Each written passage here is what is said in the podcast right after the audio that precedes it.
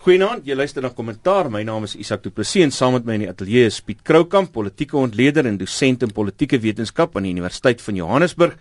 Theo Venter aan Noordwes Universiteit se Potchefstroom kampus, die gesels ook saam en Wenke Stuyter van die Suid-Afrikaanse Instituut vir Rasseverhouding rond vanaand se paneel af. Goeienaand en welkom aan julle. Goeienaand. Goeienaand. Theo, Uh kom ons begin by jou. Die groot nuus vir die week was Eugene de Kok se vrylating op parol, iets wat al lankal verwag word en wat uiteindelik omstredenheid ook veroorsaak het in mense wat reageer daarop. Ja, ek dink die die nuus um, daar rondom saam met natuurlik 'n klomp ander groot stories is belangrik, maar dit is ook net so belangrik dat die aansoek van Clive Darby Lewis nie geslaag het nie. Maar kom ons praat oor Eugene de Kok en ek dink filosofies as mens daarna kyk, ek dink dit was Tutu wat gesê het die manier waarop 'n samelewing hierdie soort mense in sy midde hanteer vertel baie oor hoe 'n samelewing lyk. En ons het een keer iemand 27 jaar in die tronk gehad meneer Mandela en ons weet dis te lank, dis onmenslik. En uh, ons weet ook dat die normale siening van wat lewenslank is is om en by 15 jaar.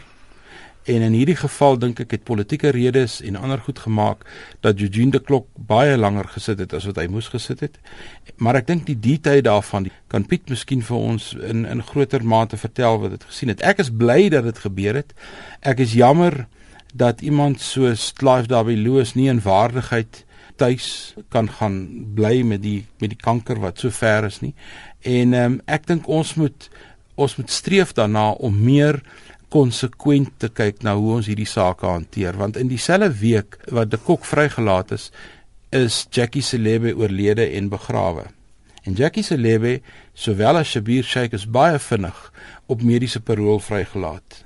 En die vraag wat ek eintlik het rondom de Kok is eintlik die konsekwente toepassing van beleid. Dis vir my die groot vraag. Ek dink jy's reg. Ek dink jy is reg. Ek dink die die groot vraag by ons en ek van dit ek is nou betrokke by die proses gewees vir 6 jaar. Die groot vraag by ons was watter tipe identiteit moet jy hê wat dit moontlik maak vir die ANC, die regering en die president om jou vry te laat. Ek onthou die eerste keer dat ek vir Gene Kok gesê, "Solank as jy prime evil is, gaan jy in hierdie tronk doodgaan." Toe sê hy, "Nee, ek dink ook so." En wat ons gedoen het is omdat ons ek oortuig daarvan was dat hy 'n ander persoon is, 'n ander identiteit het, het ek probeer om daai identiteit op 'n manier buite te kry. Ek wou gehad het die president en die minister moet sien dat Eugene ook aansienlik meer gekompliseerde verskynsel is, dat hy aansienlik meer berouvolle verskynsel is. En ek het ook geweet solank as wat jy 'n regse identiteit het, en baie mense maak daai verwarrende uh, aanname, gaan jy nêrens kom nie. En ek dink uiteindelik die minister kan maar sê dat dit was nie polities en dat sy besluit is nie polities nie, maar die feit bestaan is ek dink as jy baie vroeg in jou loopbaan, jou tronkloopbaan sê ek is jammer as jy probeer om jou identiteit 'n bietjie so te maak dat die minister daarmee kan omgaan, dat dit moontlik is om jou te verkoop daar buite, as hy kon met 'n oop gemoed sê aan die mense daar buite, kyk man, hierdie man Dit is wat hy gedoen het. Dis hoe hy berou getoon het. Dis wat hy werd is vir ons en daarom kan ons nie noodwendige volgende stap neem. Dan was ek sien of jy Clive Darby Lewis buite. Clive Darby Lewis is ondermyn deur sy regse vriende en ek dink in 'n sekere mate deur sy vrou. Daar was onlangs verstare het hulle optog so toe gehad na die tronk toe. Op die plakate is Jacob Zuma beledig en op die plakate was daar rassistiese opmerkings geweest. Dit het soos 'n golf getrek deur korrektiewe dienste die dae daarna. En ek kan nou vir jou beloof as jy nou iemand toe kom en sê wees my genadig, dit is nie 'n goeie begin om hom te beledig nie. Piet het in die aanloop tot uh, Eugene se vrylating het hy uh, baie keer melding gemaak van die manier waarop ons na iemand soos Eugene kyk. En ek dink miskien is dit 'n verpersoonliking van die stelsel waarbinne ons mm -hmm. sê dit sê dit iets van die stelsel van die manier hoe ons na oortreders kyk, hoe ons oortreders hanteer. Minke?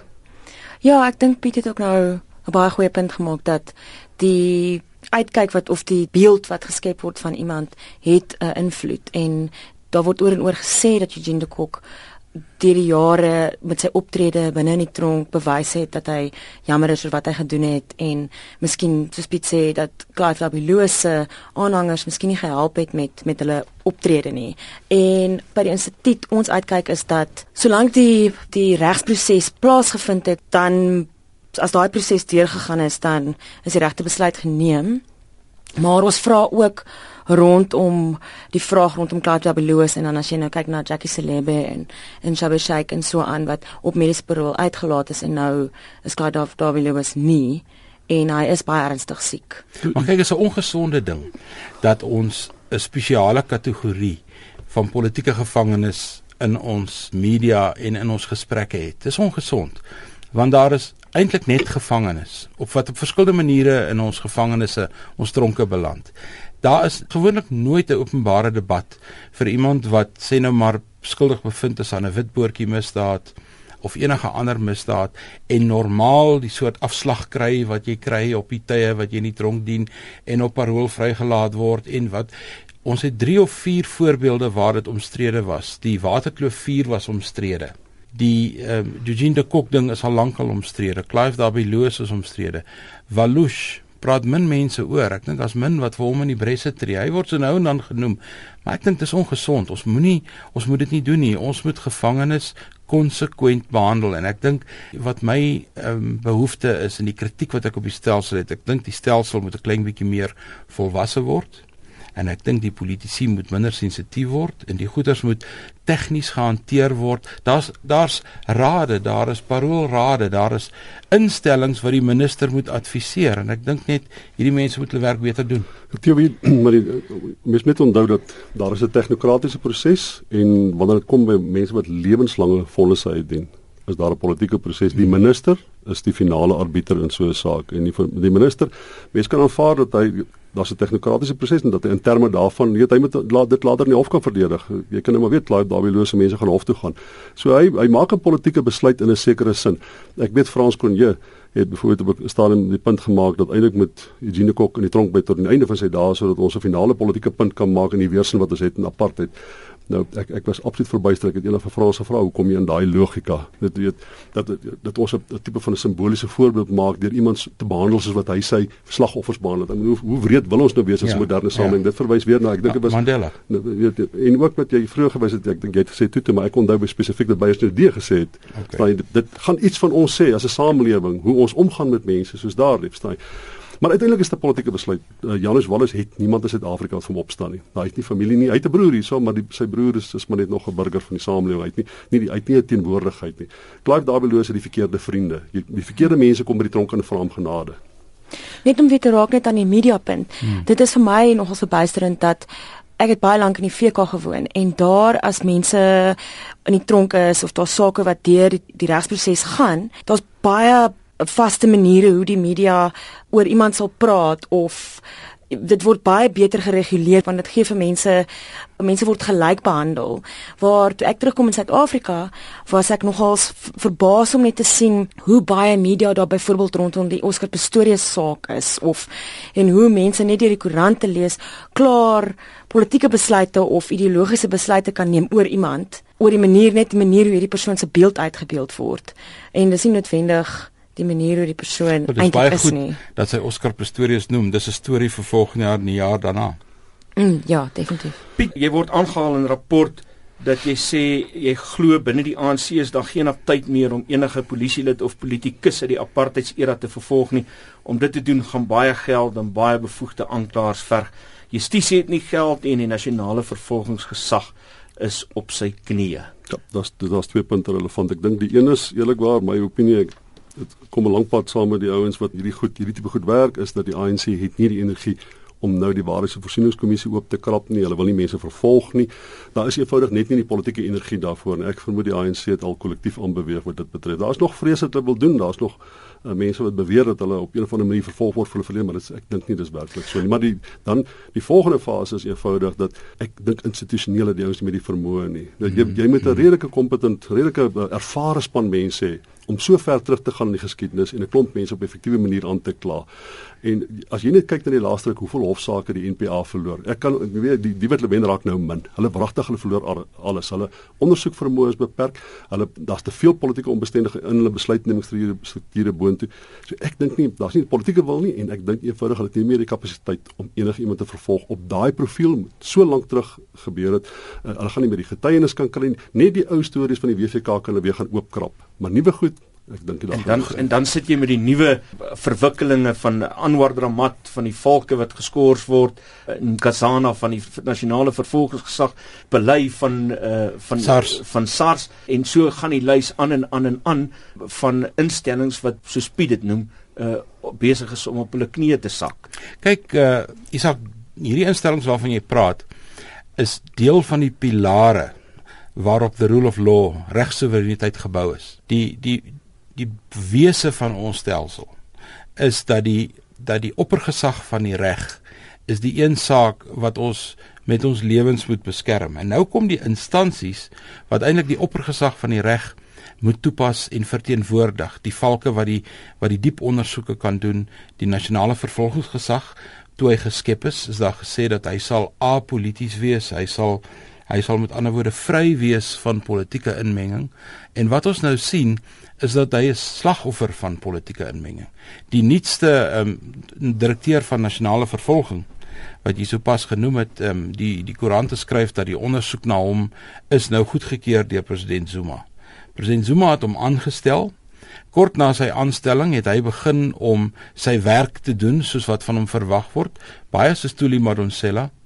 En en toe word dit te warm en die die ehm um, die aanduidings is dat die mense by SARS wat in die moeilikheid is, het ook begin krap aan goed wat te warm is. En ons is terug by die kwessie van meneer Zuma, die rol van meneer Zuma in die samelewing, die rol van meneer Zuma in die regering en die rol van meneer Zuma as leier van die ANC. Ons kan miskien later 'n bietjie meer daaroor praat, maar dit is so, ek stem met Piet saam, daar is 'n onbestendigheid in hierdie instellings wat eintlik die samelewing moet beskerm en die aanklaers moet wees en ons moet vertroue in hulle hê. Die enigste van die instansies op hierdie stadium wat 'n permanente aangestelde direkteur-generaal of dan generaal het, is die polisie. En generaal Piega is nie veilig nie. Die Marikana saak hang soos 'n albatros om haar nek. Daar is verskriklik baie beweringe wat rondhardloop, roemers dat haar lewe hang maar aan 'n toukie, jy weet, is een van die dae dan sal hulle van haar ook ontslaa. Politieke lewe hoop ek. Politieke lewe, ja. En dan um, en en dan sit ons met al hierdie instansies wat eintlik so half en half onstabiel raak. Dis nie goed vir Suid-Afrika nie. Sê ek maar wie daar's daar's daar's 'n maklike fout wat jy kan insluit, nee. Ons kan maklik dink dat Jacob Zuma sit met 'n ysterhand en 'n swaard en hy kap heen en weer in al hierdie instellings. Mense moet versigtig wees. Sy naam loop deur al hierdie goed, dis die Mendluli verslag wat hy direk betrek. Uh, en Skasana se probleme nou is Jiba. Dit is duidelik dat Jiba probeer Skasana ondermyn en ons weet dat dit is al gespekuleer daarin dat uh, Jiba se man is byvoorbeeld kwyt geskeld van sy misdade deur die president. So ons dis dis 'n komplekse verhaal in 'n waar die president se teenwoordigheid oral is. Maar mense versigtig wees om te dink die president met 'n swaard rondloop en kap baie lus is. Oh, is miskien nie verkeerd dink, maar wat wel gebeur is hy het daar's genoeg amptenare daaronder hom onder hom direk onder hom in, in hierdie instellings wat op 'n of ander manier waarde daarin vind om die president se saak te bevorder. Baie keer is dit eenvoudig hierdie amptenary wat die stelsel ondermyn en wat een of ander manier probeer om om om wat korrupsie by die agterdeur insleep. Die maar, president is teenwoordig, hmm. maar dis nog nie seriem. Hoe hoe werk so 'n stelsel? Hoe word so 'n stelsel in stand gehou dat 'n klomp amptenare en 'n klomp departemente onder die saak op so 'n manier kan beskerm? Dis wat dis wat dis wat dis hoe 'n paternaalstelsel ja. werk. Ek stel jou aan en jy kyk mooi na my daarna. Nou kyk nou het ons 'n formele nou, Ons navorsing wys dit ook. Ja. Ons kan sien dat daar meer en meer en meer politieke inmengery in plaasvind in amper alle vlakke van die samelewing in Suid-Afrika. Kom, kom ek probeer om vir jou gee. Ons het 'n formele birokrasie, 'n staatsdiens met formeel aangestelde senior amptenare. Daar is direkteur-generaals aan die hoof van elke departement en so meer. Daai formele stelsel gaan deur die formele prosesse. Met ander woorde, daar's onderhoude, daar's aanstellings en dis meer en dis meer.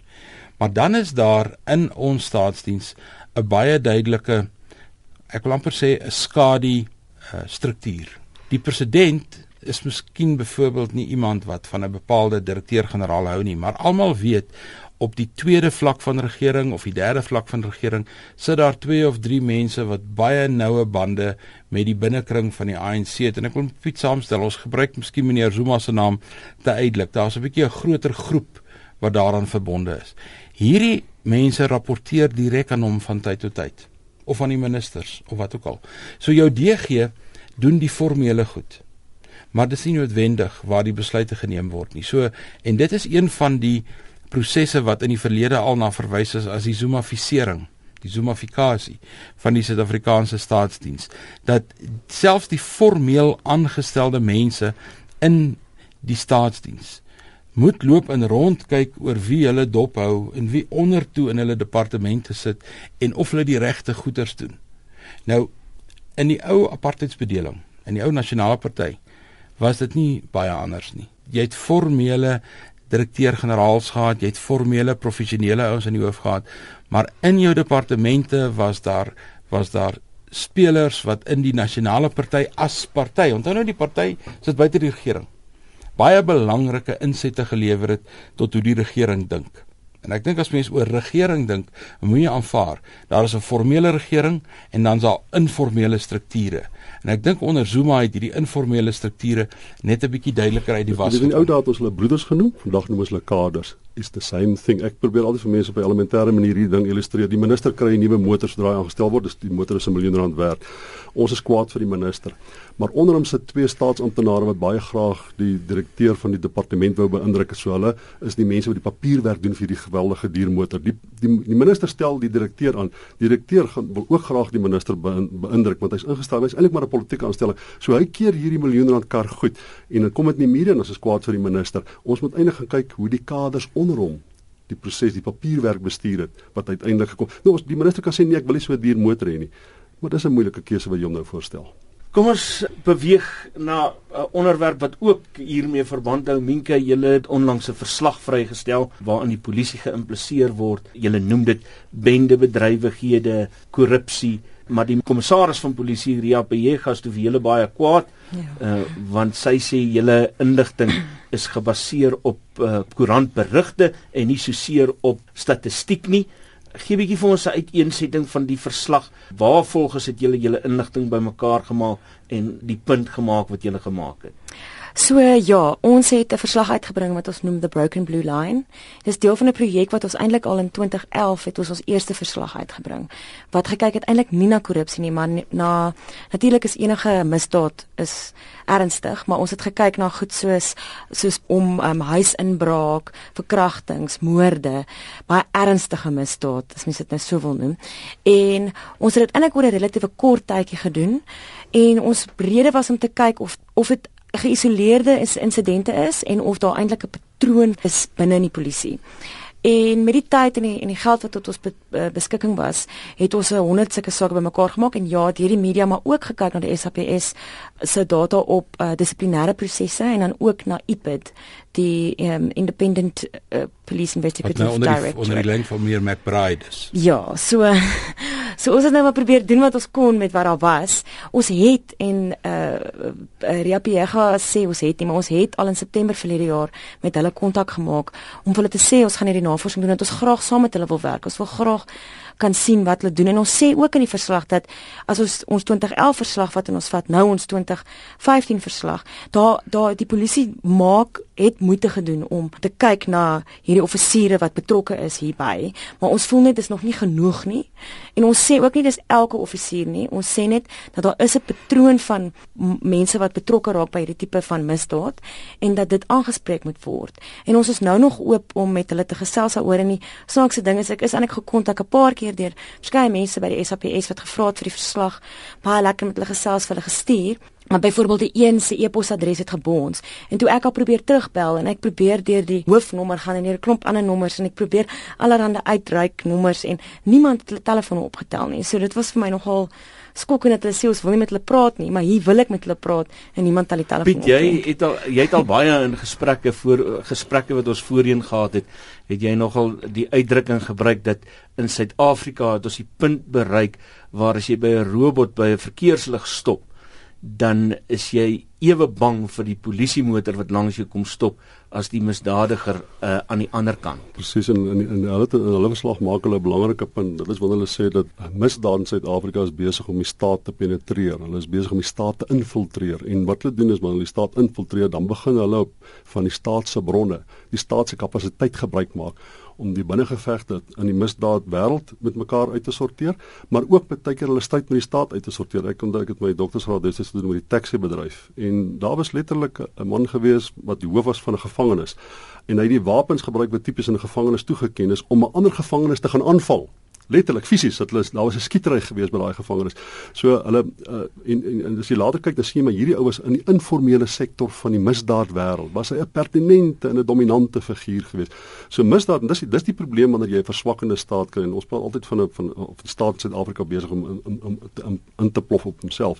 Maar die grootste probleem wat ons in Suid-Afrika nou het is die feit van 'n verswakkende staat wat deur dominante groepe in die samelewing, baie keer is dit politieke verskynsels met ander woorde 'n ANC raadslid wat, wat begin grond verkoop in Limpopo. Nou, hy het die vermoë, hy het die die kontakte om te begin grond verkoop, maar dat baie keer gebeur daai selfde ding op die vlak van misdaad. Misdadigers wat die staat infiltreer en wat die staat se bronne gebruik, die staat se kapasiteit gebruik om eenvoudig sy belange te bevorder.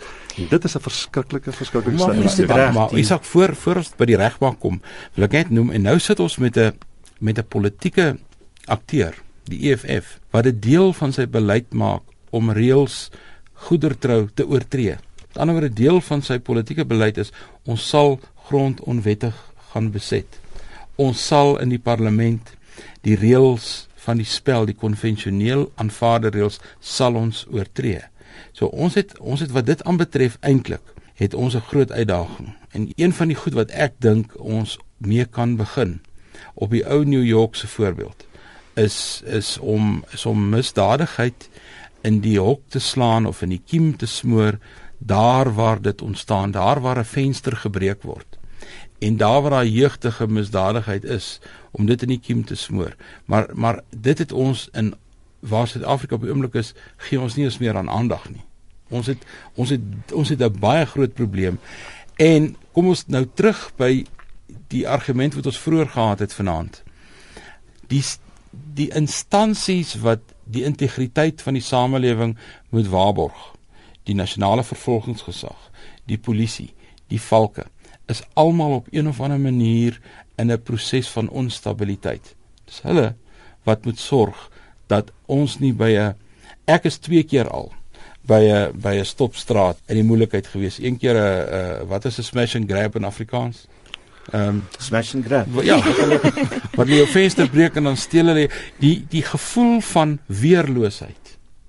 Sê ek vir julle is ongelooflik. Jy kan nie beweeg nie. Jy's in jy's jy's jy's vas tussen twee motors. Niemand rondom jou doen iets aan jou nie. En hierdie ou klim halflyf in jou kar en jy moet jouself verdedig. Dis 'n gevoel van weerloosheid wat ek jou nie kan beskryf nie.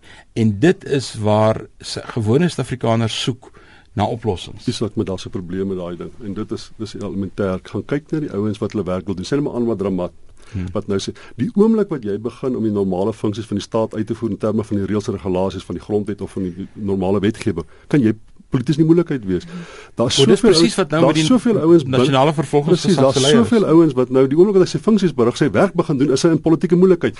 En die die vraag is hoekom? Wel is elementêr, die ouens wat nou benadeel word deur hierdie manier van hom om sy werk te doen. Hulle het politieke kontakte binne in die staat wat Hulle kan daai politieke kontakte gebruik om jou te ontmoedig om jou funksies te verrig. So nie net word die staat al swakker nie, nie net word die staat geïnfiltreer deur georganiseerde misdaad nie, maar die een of twee ouens, die klein groepie ouens wat bereid is om een of ander manier daadwerklik iets te doen doen dit teen 'n geweldige politieke risiko. Het julle verslag daarna gekyk, Minke? Ons het gekyk na na oplossings. Ons sal nooit 'n verslag uitbring en nie oplossings vorendag bring en dit is ons eintlik maar ons besigheid as dit mense dit so wil stel.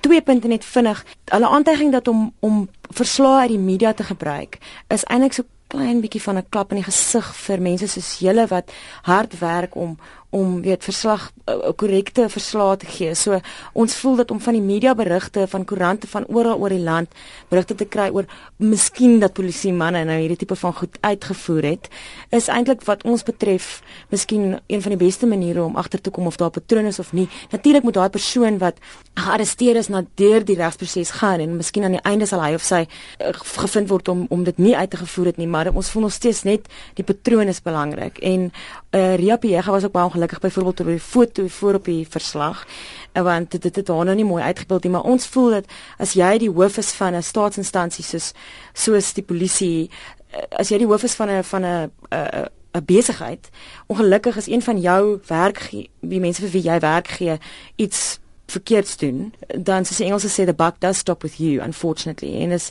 en jy sal in ander lande sien dat polisiekommissarisse sal um, afstand van hulle posisies af as daar 'n tipe van goed. Maar net om terug te kom na oplossings, ons het gesê ja, ehm um, daar moet meer dissipline wees. Ons dink ook dat om miskien te kyk na kan mens offisiere deur 'n tipe van 'n officer training corps soos die Amerikaners sal sê, 'n training day en so deur 'n tipe van 'n proses sit waar hulle dan trots is op hulle werk, waar hulle voel hulle kan vorder in die polisie ook en en ons wil ook hê dat IPID byvoorbeeld beter ons voel dit nie genoeg ondersteuning om te doen wat hulle moet doen nie en dat dit ook nog gekyk moet word byvoorbeeld. Jy het nou nou die beeld gebruik van 'n uh, misdadiger wat halflyf in jou in jou hmm. kar inklim en net hierdie week was daar 'n berig van 'n verkeersbeampte wat om halflyf binne in 'n vrou se kar bevind het om geld klein daar as klein geld uit sy uit 'n asbakkie te haal. Dis 'n klein voorval, maar maar iets wat in die kern lê van van symbolisch, die probleem. Simbolies vir groot. En ek dink sy is heeltemal reg, Minka, as hy praat van opleiding. Want deel van opleiding uh van die polisie mag of die polisie diens want ek kom agter dat wil weer die woord mag gebruik wat ons gelukkig van ontslaag geraak het 20 jaar terug. Maar dat opleiding wat wat fokus op etiek op kennis van die reg op kennis van wat is inter, internasionaal aanvaarbare standaarde vir polisieering die goeders is oral verkrygbaar. En ek dink dis waar mense ook gaan begin maar ongelukkig is dit 'n langtermyn oplossing. As ek daar's daar's 'n positiewe by die ding ook, né? Ek moenie net die negatief raak sien. Een van die wonderlike dinge is, né, dat waar die staat swak word, waar hy nie meer behoorlike polisie dienste lewer nie, waar hy nie meer vermoë om elektrisiteit te lewer nie, waar nie meer die vermoë om behoorlike onderwys en opleiding te gee nie. Ons het 'n kern-entrepreneurskap in Suid-Afrika wat die vermoë waar burgerlike samelewing van daai funksies oorvat. Ek weet van 'n klompie boere in KwaZulu-Natal, daai manne kan binne die volgende 4-5 jaar kan hulle waarskynlik hele KwaZulu-Natal van elektrisiteit voorsien die tegnologie is daar, hulle beweeg in die regte rigting. Daar's entrepreneurskap is daar. Dieselfde kan ons met veiligheid doen, dieselfde kan ons doen met onderwys en opleiding. Daar's baie private instansies in Suid-Afrika wat groot gewag maak van hulle vermoë om onderwys en opleiding te voorsien. Ons gaan in die regte rigting op bepaalde maniere. Partykeer is daar 'n voordeel daarin dat die staat verswak. Hy moenie in hy moenie in mekaar val nie. Maar partykeer is die voordele van die staat dat verswak gee vir die burgerlike samelewing entrepreneurskap. Dis 'n baie goeie punt, dis 'n baie goeie punt. Ja. Kom ek ek dink die een ander groot saak waarna ons moet kyk uh, vir die afgelope week, dit is nou al sedert verlede jaar aan die orde van die dag, maar dis die een ding wat brandend bly by alle Suid-Afrikaners, letterlik en figuurlik, is uh Eskom, die die beleerde kragvoorsiener ja. van Suid-Afrika. Theo, jy het die naweek uh, by einkoms bygewoon waar die bespreking rondom Eskom gegaan het. Ja, in Afrikaans is so 'n pragtige taal. 'n Mens kan 'n tema vir so ding maak waar sal my krag vandaan kom. Ehm um, die nou Piet Piet het begin met die gesprek in 'n sekere sin. En uh, daar was gister 'n 'n seminaar by Tikkies wat uh, gedoen is deur die Universiteit van Pretoria en uh, en die AI en die vraag was waar gaan ons van hier af vorentoe? Hou nou op mense kritiseer oor die verlede is verby. Maak nie saak wie of wat nie. Kom ons kyk na oplossings en ek het twee gewaarwordinge uit die simposium uit. Die eerste ene is ons sien voor ons oë 'n groot jarelange ou monopolie is besig om te verkrummel. Eskom se monopolistiese neigings maak hom ongeskik om oplossings vir Suid-Afrika te bewerkstellig. En die oplossings wat hy het, gaan te lank vat. Die tweede ding wat ek sien, is ons is besig om 'n revolusie voor ons oë te sien afspeel in die opwekking van krag. En dit wat Piet nou genoem het wat die boere doen is 'n voorbeeld. Groot boere in KwaZulu-Natal wat suikerrietreste gebruik om te brand. Daar is gister soveel voorbeelde genoem wat Suid-Afrikaners op die kort termyn, met ander woorde binne die volgende jaar 2 of 3 oplossings kan kry vir ons kragprobleme dat dit vir Eskom die gaping gee om oor 'n langer tyd met hulle groot massale oplossings te kom. Maar die een indruk wat my ook gelaat is is dat Suid-Afrika se probleem is nie net 'n Suid-Afrika probleem nie, dis 'n Suider-Afrikaanse probleem. Um, ons buurlande sit al vir jare met beerdkrag. Vir jare. Daar's twee van hulle wat goed doen, Mosambiek en Namibië. Op die oomblik voer hulle krag in na Suid-Afrika toe, Namibië, want hulle het 'n oorskotkrag vanweer die Kunene wat afkom en Mosambiek se gas begin 'n baie sterk rol te speel. Maar Zambië en Zimbabwe en so meer Botswana sukkel met beerdkrag al vir jare en die oplossing is met ander woorde nie net 'n Suid-Afrikaanse oplossing nie, maar 'n Suider-Afrikaanse oplossing wat insluit hidro wat natuurlike um, bronne insluit met ander woorde sonkrag en al hierdie goed. Gas lyk vir my na die enkele grootste oplossing vir Suid-Afrika se kragprobleem of dit nou skaliegas is en of dit natuurlike gas is wat ons of uit Namibië gaan kry, die Kuruveld of uit Mosambiek gaan kry of waar ook al. Maar op die kort termyn lyk dit vir my die entrepreneurskap van die gewone burgerlike samelewing gaan die oplossing bring en nie Eskom nie. Is die probleme wat ons tans ondervind is is dit dalk 'n straf op 'n samelewing wat eens geglo het alles moet gesentraliseer word?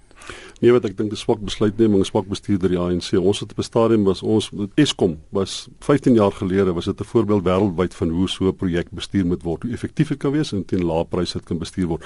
Sedertdien moet mense geweldig baie innoverende stappe geneem het om die projekte te verander. Jy moes oorgegaan het na gas toe met ander tipe van forme van van energie moes jy begin inkorporeer by Eskom se se finale produk. Maar die feit bestaan is hulle het 'n baie baie goeie begin gehad en hulle het dit vermors.